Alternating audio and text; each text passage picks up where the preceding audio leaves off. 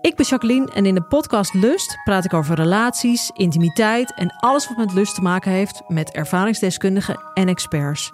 Of je nu in een relatie zit, single bent of iets daartussenin, Lust is de podcast voor jou.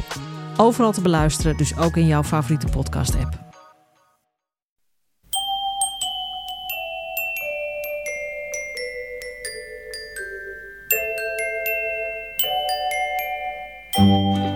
Welkom bij aflevering 358 van Echt Gebeurd, de podcast waarin mensen hun eigen waargebeurde verhalen vertellen.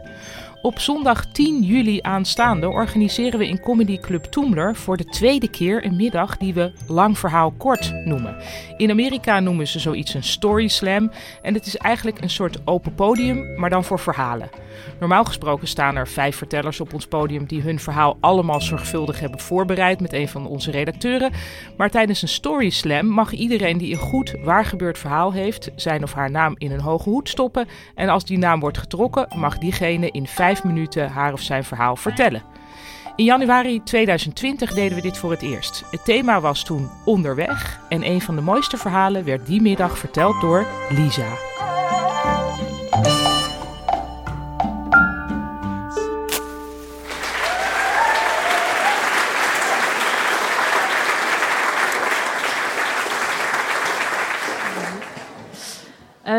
Ik ben eh, nogal wagenziek.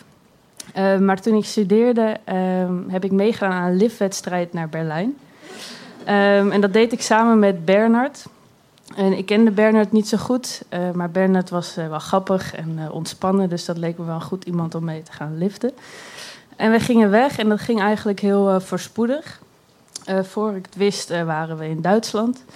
En we zaten toen in de auto bij een mevrouw. En die mevrouw die was heel aardig. We hadden een heel leuk gesprek met haar. En zij, was, zij vond ons zo leuk dat ze ons eigenlijk steeds verder wilde brengen. Uh, zij wilde ons eigenlijk heel graag uh, naar Berlijn brengen. Het probleem was alleen dat ze naar Bremen moest. En Bremen uh, ligt in het noorden van Duitsland. En Berlijn ligt in het oosten van Duitsland. Dus dat was niet zo handig van die mevrouw maar wij waren ook niet zo handig, want wij vonden het moeilijk om aan haar duidelijk te maken dat we haar wel aardig vonden, maar dat we er toch liever uit wilden.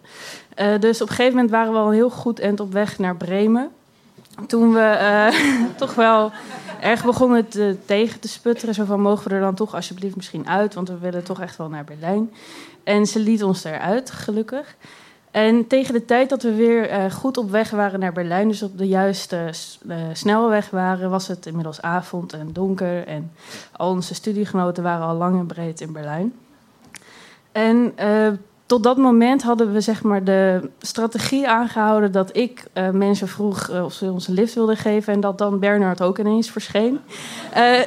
en om het nog iets sneller te laten verlopen, kwam Bernard met nog een theorie. En die theorie die was, uh, je moet mensen aanspreken die er een beetje eng uitzien. Uh, um, want dan zijn ze niet bang om je mee te nemen. Uh, dus, nou, ik stond inmiddels overal voor open, dus ik keek om me heen. En ik zag verderop iemand staan, een man, een beetje gedrongen ventje, met een leren jas en achterover gekamd haar. En hij had een, een beetje schaars geklede vriendin. En hij had een litteken uh, van zijn rechter ooghoek tot zijn linker mondhoek. Het is echt zo diagonaal over zijn gezicht heen. Dus ik stoot Bernard aan. Ik zeg, nou, die man moeten we volgens mij vragen. en dat bedoelde ik eigenlijk niet serieus, maar Bernard wel. Dus hij uh, vroeg aan die meneer of hij ons lift wilde geven en dat wilde hij wel. dus nou, nou, laten we dat dan maar doen. Dus uh, we liepen naar zijn auto en ik weet ook niks van auto's, maar dat was een hele grote, volgens mij heel duur, zwarte, glimmende auto. Met heel veel leren bekleding en er waren overal muziekboxen waar heel hard Poolse rap uit kwam. Het waren namelijk Poolse mensen.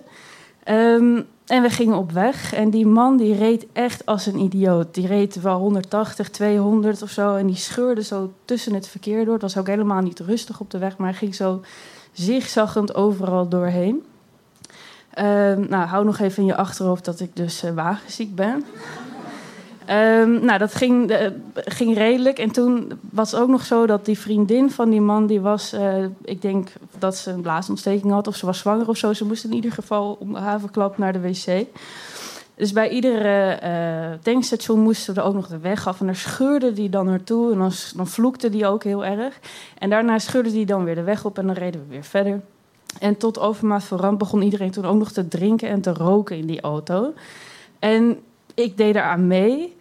Uh, wat ik, dat is natuurlijk heel raar, maar ik denk dat ik inmiddels toch in een soort kamikaze toestand terecht was gekomen. Dat ik dacht, laat ik dat dan ook maar doen. Nou, het was natuurlijk een ontzettend slecht plan. En op een gegeven moment voelde ik dat mijn maag echt wel begon uh, tegen te stribbelen. Uh, maar ik dacht, ik, ik kan hier natuurlijk niet overgeven. Dit is, dat, is, dat kan gewoon niet. Dit is een hele dure auto. Die man, nou ja, het litteken en zo. En dat kan gewoon niet. Uh, en ik durfde ook niks te zeggen. Sowieso zei ik die hele rit niks. Die vriendin die zei ook niks. Wij zaten allebei achterin, want dat moest of zo. Maar goed, ik weet niet of je ooit wagenziek bent geweest, maar je kan dat niet tegenhouden. Dus ik zat daar gewoon een soort van mijn lot af te wachten. En ineens kwam het eruit. En ik kotste die hele auto onder. En vooral de stoel van de pol, uh, waar ik dus achter zat. En die man die scheurde uh, naar de rechterrijbaan. Die scheurde de vluchtstrook op. En ik dacht, nou, dit was het. En uh, straks heb ik ook zo'n uh, zo'n litteken. en ik stond daarnaast die, op de vluchtstrook. En het verkeer raasde voorbij. En tot mijn grote verbazing doet hij de klep van de, zijn auto open. De achterklep. En dat bleek chockvol te zitten met spulletjes van de Action. Uh, want dat kochten ze dan in in Nederland en dat verkochten ze dan in Polen. En dan maak je blijkbaar winst. En nou ja, je kan er natuurlijk alles kopen. Dus daar zaten uh, sponsjes in en uh, schoonmaakmiddel en luchtverfrisser. En voor ik het wist, was die auto weer brandschoon.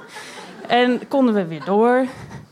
En die man die heeft vervolgens ook nog bij het volgende tankstation een nieuwe lift voor ons geregeld. Hij hield een heel verhaal op over dat Bernard zijn neefje was. En de rest heb ik niet gehoord, want ik stond natuurlijk weer te kotsen. En, maar die man die wilde ons wel meenemen. Er was ook een man met een grote zwarte auto. Bijna klaar. En, uh, uh, en die man die wilde niet eens naar Berlijn toe, maar die heeft ons toch naar Berlijn gebracht. Die heeft ons voor het hotel afgezet. En ik weet nog steeds niet zo goed waarom. Um, ik weet wel dat ik nooit meer ga liften. Maar als je het ooit doet, dan weet je uh, welke mensen je aan moet spreken.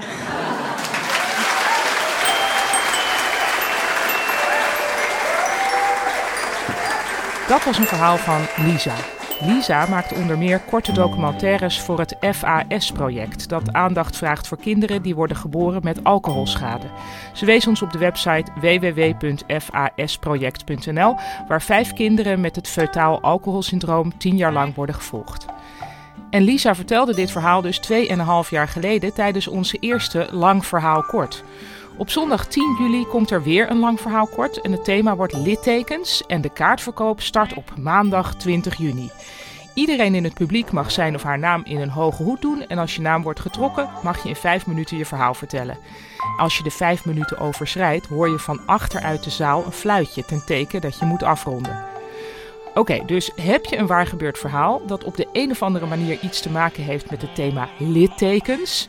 Koop dan je kaartje voor de Echt Gebeurd editie van 10 juli. En wie weet, kom je die middag met je verhaal op ons podium te staan. Meer informatie vind je op onze website, dat is www.echtgebeurd.net.